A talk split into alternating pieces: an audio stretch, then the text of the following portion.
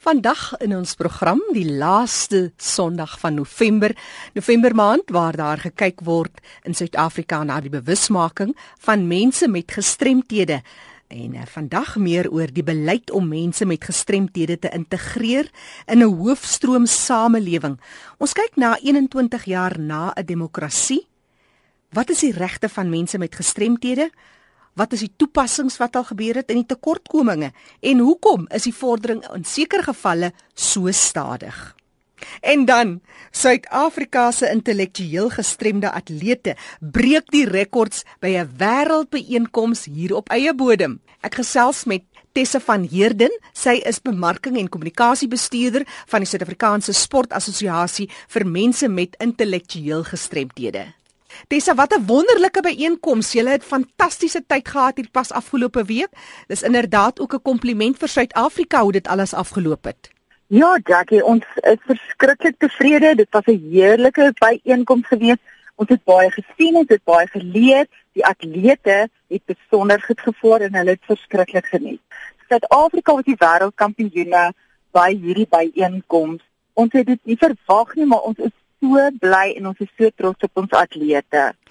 Tessa, dis nou 'n wêreldkampioenskap en volgende jaar is die Paralimpiese spele, maar julle is nie noodwendig deel daarvan nie. Verduidelik ons hoe werk dit? Ons is baie opgewonde daaroor, maar met die Paralimpiese spele hardloop ons atlete met Down-sindroom onder intellektueel gestremde atlete en dan ook vir die Paralimpiese spele moet jy kwalifiseer net soos vir die wêreldkampioenskappe En omdat ons atlete met Down-sindroom 'n 'n dubbele gestremdheid het, 'n bietjie fisies en dan bietjie intellektueel gestremd, sukkel hulle liggaampies om teen die ander intellektueel gestremdes deel te neem en dan goed te doen. Daarom is hierdie byeenkoms so belangrik want hulle hardloop atleet met Down-sindroom, hardloop teen 'n atleet met Down-sindroom. Ja, jy vergelyk dieselfde soort met mekaar dit is so ja. Vertel ons van die lande wat daar was, van die interessanthede, van die lesse geleer. Ons het 'n totaal van 10 lande gehad wat gekom het en dit dit is ongelooflik. Ons het van ons bekende Suid-Afrikaanse atlete gehad wat betrokke was. Ons het so Wade van Niekerk gehad wat hier was. Ons het so Wade Nel gehad wat hier was. En uit hulle ervarings kon ons sien wat beteken dit vir iemand anders. Ons het gereeld met hierdie atlete werk wat vir ons al dit vir ons verskriklik spesiaal maar vir iemand vir wie dit iets nuuts is kon ons sien right in window die druk is nie hier nie die die leerstelling as jy die eerste kom nie is in 'n baie mindere mate hier as ons atlete het wat in 'n 100 meter hardloop en daar's 5 atlete wat deelneem ek alsy hulle hande in die lug op as hulle oor daardie streep gaan asof hulle eerste was hmm dit dit alleen is is 'n ongelooflike ervaring. Ons gee dan ook vir ons atlete as hulle medaljes ontvang, gee ons nie boesblomme nie. Dit het nie waarde vir ons atlete nie. Dat ons het gedink dat baie oulike idee is is om vir hulle sagte speelgoeddiere te gee van die groot 5 van Suid-Afrika en ander wilde diere. Ons het die kosbaarste foto's geneem. Die kinders is so verknoop aan daardie diere. Dit is regtig 'n emosionele byeenkoms is 'n is 'n gekombineerde opgewonde emosionele trotse dit was 'n wonderlike geleentheid. Vertel ons gou van die lande, jy sê 10 lande was daar?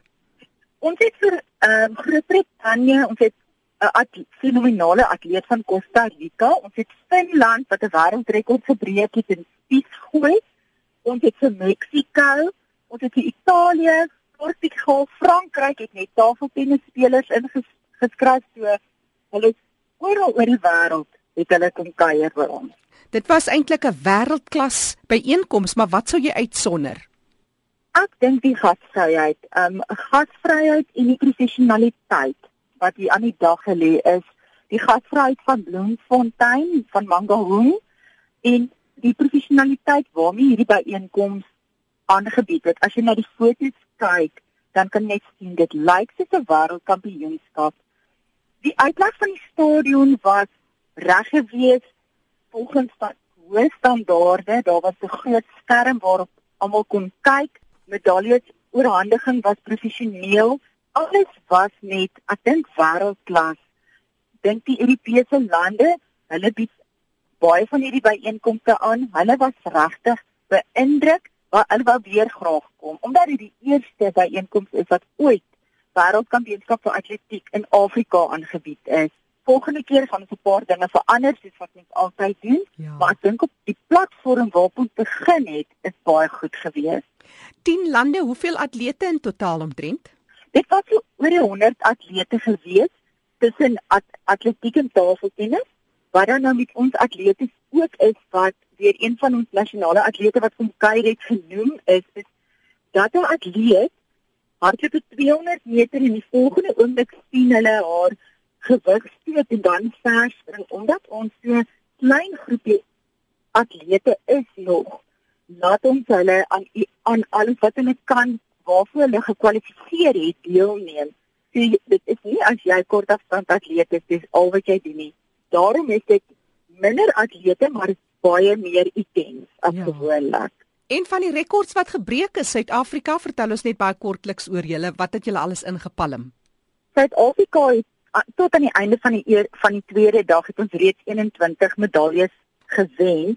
Ons het Melanie Barnard wat in haar gewig steek 'n nuwe wêreldrekord opgestel het van 7.08 meter en dan by die mans gewig het Bailey Leonard ook 'n nuwe ISA rekord opgestel. Hy het ook die spiesgooi gewen. Dan het ons die atleet van Costa Rica, Hector Garcia wat een na die ander wêreldrekord gebreek het. Dit was fantasties om vir hom te kyk.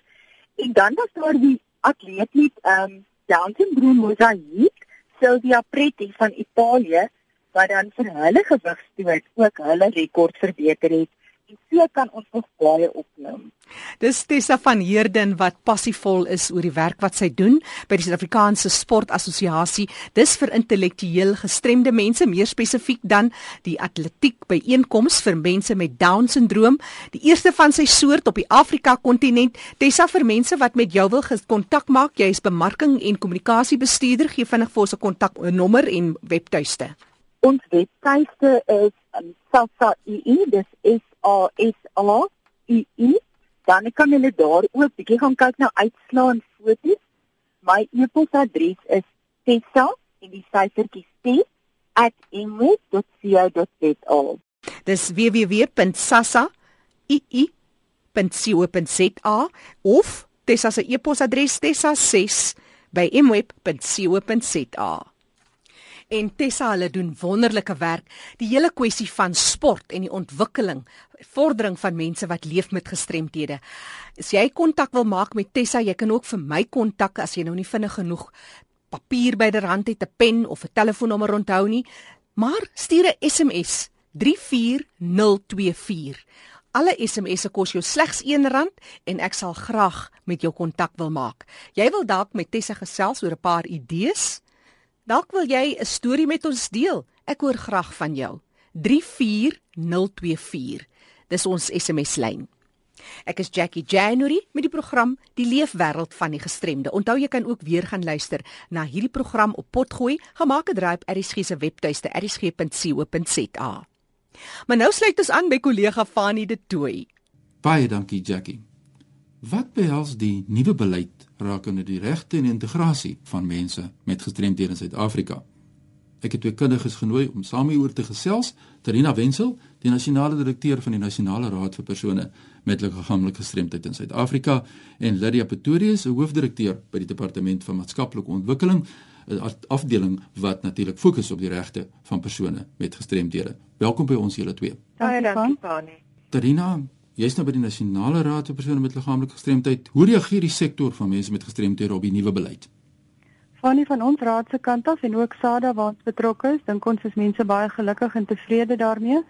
Die dokument se inhoud is baie omvattend, dit is baie in lyn met die UN Convention on the Rights of Persons with Disabilities. Dit is baie meer omvattend as wat die destydse Integrated National Disability Strategy dokument was.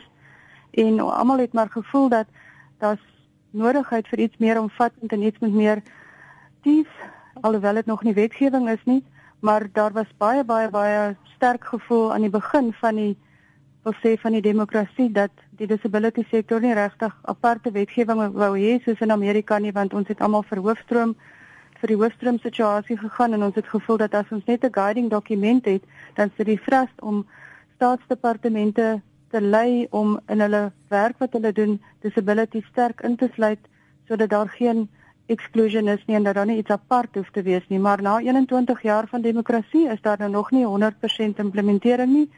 Ehm um, en daar's baie dingetjies wat nog agterweë bly sowel ons nou wonderlike wetgewing het het ons regtig 'n behoefte daaraan gehad dat daar iets meer substansieel is om leiding te gee en om guidelines daar te stel en best practice wat in lyn is met die UN Convention sodat mense met gestremdheid kan voel dat hulle sake wel vorentoe beweeg. So ons is baie baie dankbaar vir die inisiatief, baie tevrede daarmee en soos ek sê die inhoud is baie goed en omvattend. Ja, sou jy sê dat daar genoeg tyd was om insette te gee van die persone met gestremdhede se kant af? Van ek dink 'n mens sou altyd graag nog meer en nog beter wou konsulteer want as nasionale organisasies het ons nie die reg om net in ons nasionale kantore te sit en dan insette op die dokumente te gee nie.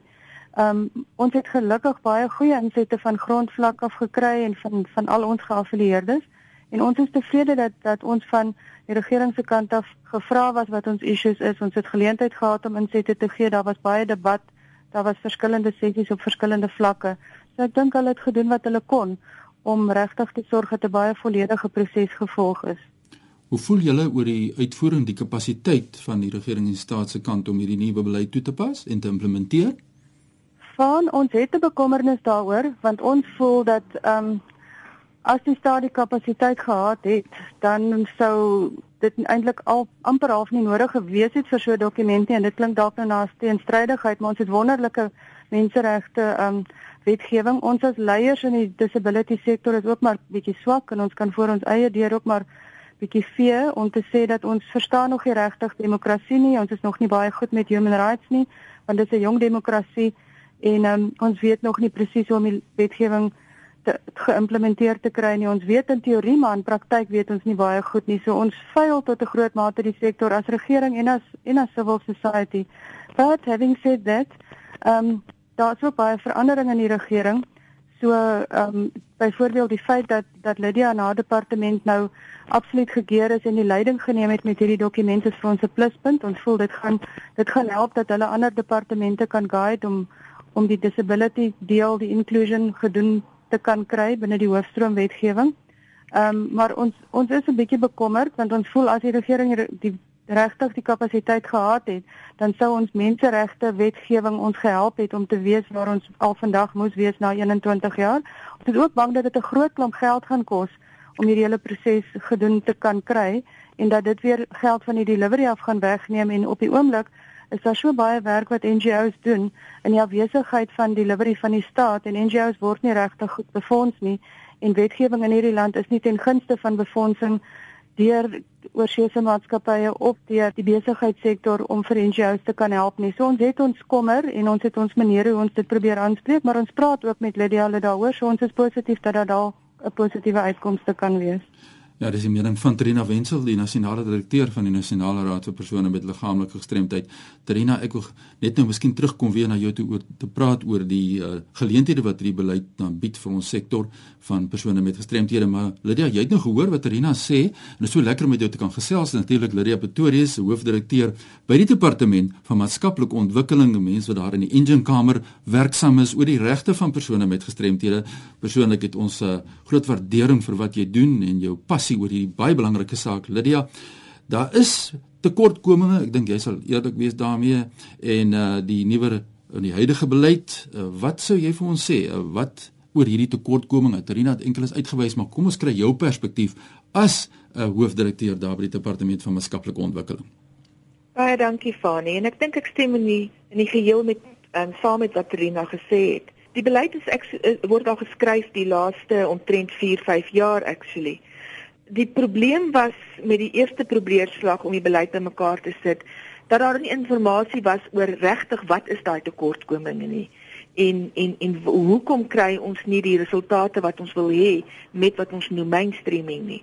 Die kabinet het die um, eerste verslag aan die Verenigde Volke op die konvensie vir regte van gestremde persone in 2013 goedgekeur. En daai verslag het baie gehelp om vir ons te kon sê waar lê die die die actual uh, probleme um hoekom ons nie vooruit gaan kry nie.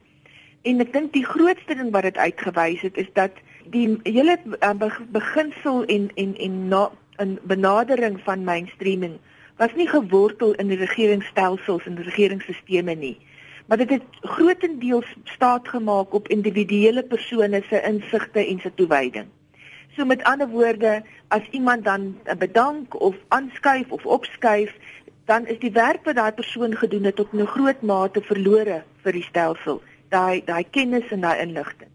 Want dit is nie gewortel in stelsels nie. Ons het toe begin kyk na wat is die stelsels waar ons dit moet wortel en ons het baie hard begin werk aan hoe sit ons 'n baie sterker moniteringstelsel in plek, 'n beplanningstelsel in plek. Want ons het baie gou uitgevind dit help nie om planne te moniteer as die planne verkeerd is nie. Dit help nie om te gaan kyk na statistiek en data en te sê wat sê die statistiek vir ons as die statistiek op gestremdes nie vervat is in daai data data nie. So die proses van hierdie beleid skryf het nie begin op 'n sekere datum nie dit dit, dit was 'n proses. Die insette wat ons van die sektor af gekry het, was nie net in daai spesifieke werkswinkels of konsultasies op die beleid self nie, maar dit het ons het teruggegaan na 4, 5 jaar wat het gestremde persone in organisasies vir ons gesê in die verskillende konferensies deur die dele regering, nie net op nasionale vlak eers nie wat het verskillende um, verslae wat van navorsing wat gedoen is vir ons gesê en hoe spreek ons aan? So, wat is daai tekortkoming? Eerstens is ek sê hoe lê ons die regte van gestremdes vir um saam om om om deel te neem, om toegang te kry vas in stelsels? Wat is die eerste proses? Wat wat doen ons in die beleid? En die beleid maak baie definitiewe aanbevelings daarvoor. Die tweede deel van dit was dat in terme van die konvensie waarna Tarina verwys het, die die konvensie op die regte van gestremde persone. Ons grondwet sê as ons 'n internasionale konvensie um, as 'n as 'n land onderskryf, moet ons dit in nasionale wetgewing vas lê vir dit om implementeerbaar en vir reg vir vir, vir gestremde persone om te kan eis dat daai goeders moet gebeur. Ons moet dit in nasionale wetgewing vas lê. So dit is die tweede ding is hoe beskryf ons hierdie beleid om seker te maak daar is duidelike riglyne vir daai wetgewing. Ons moet onthou dis nie asof ons nie wetgewing het nie. Terina het gesê ons het baie sterk wetgewing. Maar gestremdes kry net nie uit daai wetgewing uit wat hulle wil hê nie. So dit is die tweede deel.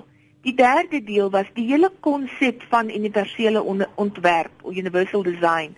Dis 'n baie nuwe konsep en dis nêrens vasgelê in ons standaarde wat uit die ehm um, Bureau vir Standaarde uitkom nie. Dis nie vasgelê in ons beleide nie. So hoe kon hierdie beleid dan help om bietjie momentum te gee aan daai proses?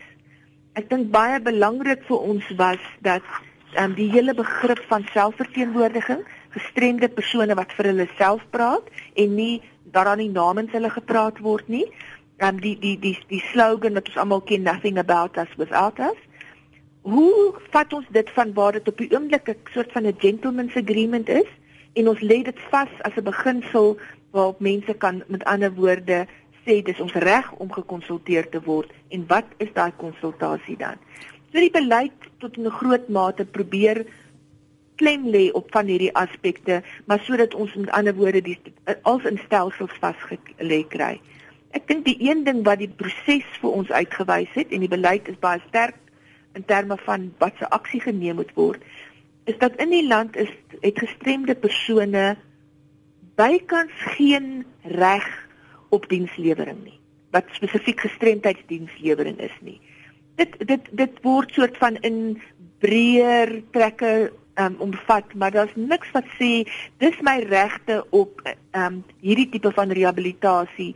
Dis my regte op hierdie tipe van um, reasonable accommodation um ondersteuning op, op persoonlike um as 'n uh, personal assistance ondersteuning nie.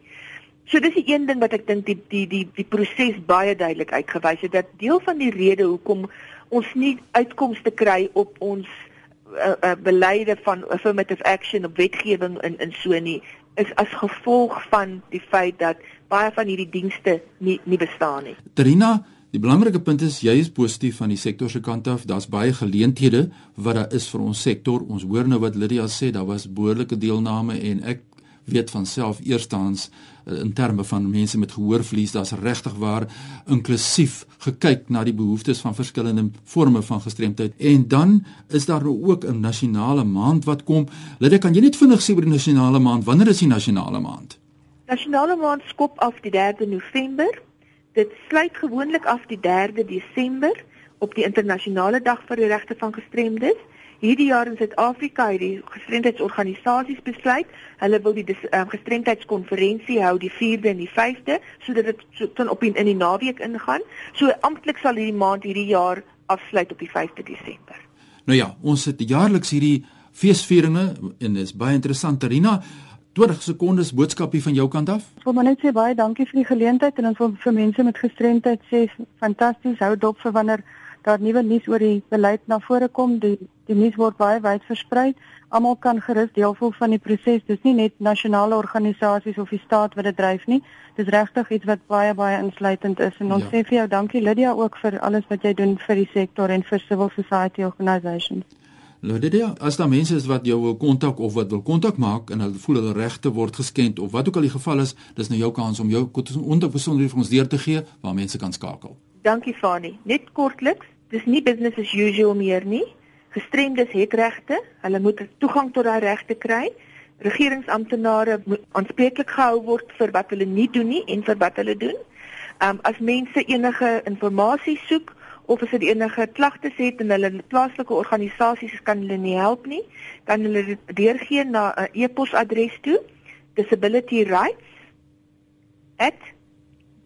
the Department of Social Development.gov.za. Disability rights at dsd.gov.za. Op Twitter kan hulle dit na #disabilityrightssa deurstuur. Ai, dis so jammer dat so min tyd het. Lydia, sal ons nou in die toekoms 'n paar programme kan doen? Absoluut. Baie ja. dankie vir die vir die geleentheid. Is dit nie vir julle was nie dan ons ook nie naaste by soveel mense bereik nie so enige tyd. Baie dankie ja, dit was natuurlik Terina Wenzel, 'n bekende hier by RSG, by die nasionale direkteur van die Nasionale Raad vir persone met liggaamlike gestremdheid en Lydia Pretorius, 'n hoofdirekteur by die Departement van Maatskaplike Ontwikkeling, die afdeling wat natuurlik fokus op die regte van ons mense met gestremthede. Jackie, voordat ek teruggaan aan jou, my e-posadres is fani@routeindependence.co.za en dit is al wat ons vandag het vir die lewe wêreld van mense met gestremthede in die Kaap. Groetnis. Die groete van kollega Fanie de Tooi. Net weer daai webtuiste Disability Rights by dsd.gov.za. Onthou die uitnodiging, 'n vinnige SMS 34024. SMS kos jou R1 as jy enige navrae het, enige kontak wil maak, enige storie oor leefwêreld van die gestremde wat jy met ons wil deel. Ek is Jackie January wat groet tot 'n volgende keer.